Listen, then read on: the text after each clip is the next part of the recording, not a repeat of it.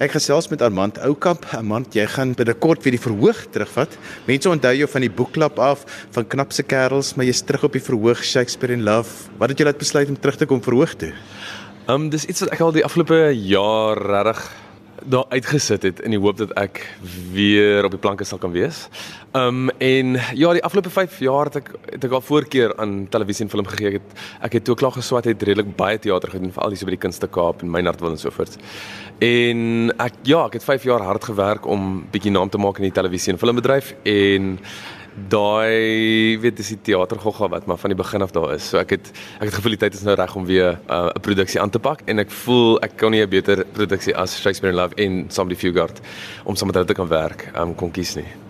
Kom ons gaan gou 'n bietjie terug na die boekklub toe. Dit is 'n rol wat jou bekend gemaak het. Dit was baie rolle voor dit, maar dit is asof daardie rol mense aan die harte gegryp het. Hoe ervaar jy dit nou dat die reeks al verby is? Kom mense nog steeds en keer jou voor? Ja, definitief. Van alles wat ek al gedoen het, mense dink iets is belare wat so volksbesit is.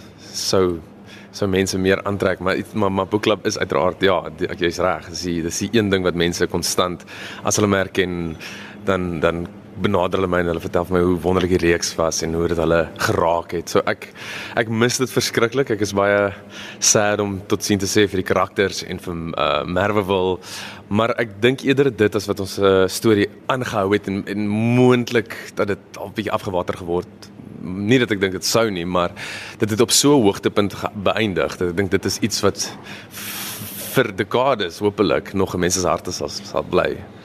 Nou kom ons praat bietjie oor Shakespeare in Love. Die lekker deel is is dat jy eers maandag begin repeteer. So vertel bietjie vir ons van die angste. Jy ken nou al jou woorde. Doen ek?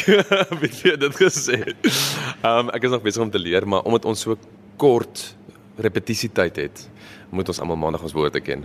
Um meeste van die cast het die eerste die eerste seisoen al gedoen, so ek vervang Theo Landy en ons 'n paar ander wat ander karakters vervang. Maar ja, die angs is nogal hoog omdat ek so lank klas teater gedoen het en die cast is net ongelooflik. Ons is 20 in totaal. So dit gaan ook iets nuuts wees. Ek weet in televisie en film is daar groot casts, maar nie almal op die verhoog op dieselfde tyd of voor die lens nie. Um so ek sien maar ek bedoel dit is Kaapse die Kaap of die land se beste teaterspelers van hulle en en ek sien verskriklik baie uit om te leer omdat dit so lank weet ek dit was lank lank terug 5 jaar lank om om nie te speel nie. Ehm um, so ek sien baie uit en ek's reg om baie te leer. Nou hierdie storie gaan oor Shakespeare en sy skrywersblok. Watter rol speel jy en uh hoe het dit hoe het jy by die rol uitgekom? Um, ek speel Christopher Marlowe of terwyl Kit wat in die film deur um, Rupert Everett gespeel is. En ja, ek het vir die ek het aanvanklik vir die eerste eerste speelvlak audisie, um en redelik ver gekom met met dinge het net so uitgewerk nie vir Shakespeare. En ek dink hulle het baie interessante rigting gegaan met die nuwe Shakespeare. Um so dis 'n wonderlike ja, dis 'n lekker hy's hy's 'n cool ou tussen die tussen die span. Hy's die suksesvolle skrywer. Hy's Shakespeare se beste vriend. Um so ja, daar daar is wonderlike hy hy's verskriklik cool en ek dink nie ek speel regtig altyd cool karakters nie. Ek weet nie. Dis dit gaan lekker wees om 'n bietjie daai ego te pomp. En en Kate Mara is definitief 'n ou wat van sy ego af operate. Iets wat my interessant is, jy het nou 'n woord gebruik skrywe, dis asof die skrywersrol jou agtervolg in jou loopbaan. Definitief, ek het ons het aardig gelag daaroor. Eers was dit belare vir 'n enkeling, ehm um, Jacques Reinhardt en toe Book Club en iets wat nie noodwendig almal van weet nie, maar ek het 'n jaar daarna het ek in ehm um, SABC 3 se reeks Hardcopy joernalis ook gespeel. So dis so is die vierde amptelike skrywer wat ek binne 4 jaar speel. So ja, dis nogal 'n interessante En ek het nou 'n kook, kookboek geskryf. So ek dink al daai goeders inspireer die bietjie van 'n die skir die writers juices om te begin vloei. Nou behalwe akteur het jy 'n kookboek geskryf en ek wil baie graag weet waar kom daardie idee vandaan en dit is nogal een met 'n gewaagde titel. Natuurlik.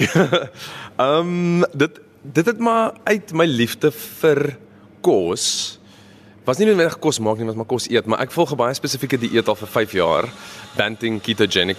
En as gevolg van die massaproduksie van kosse wat ek nou nie kan eet nie, moes ek leer om kos te maak. En so die dit was nie of dat ek 'n liefde vir kos gehad het wat ontaard het in 'n dieet nie, dit was die dieet wat toe die liefde vir kos en kos maak kon beïnvloed het. So ja, uh, ek ek ken vir Marida Fitzpatrick wat die um, hoofuitgewer is by Lapa vir nie fiksie.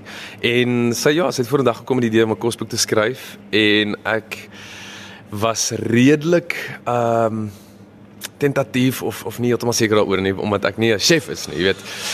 Maar ek dink nie dit maak saak nie. Ek deel waarvoor ek lief is, wat ek ontdek het en my passie vir die leefstyl um in hierdie boek met 'n gewaagde titel natuurlik. Maar ek dink die sinspeling is lekker want die kos wat ek eet is regtig kaal kosse, dis ongeprosesseerde, dis heel kosse.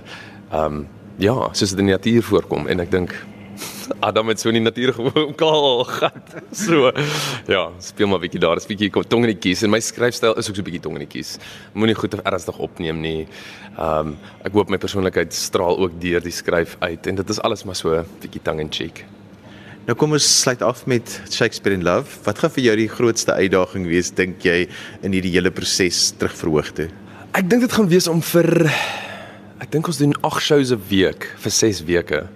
Um so ek dink om daai energie te behou vir so lank in televisie en film jy doen jy doen 'n ding oor en oor, maar jy doen hom net een keer en dan is dit verby.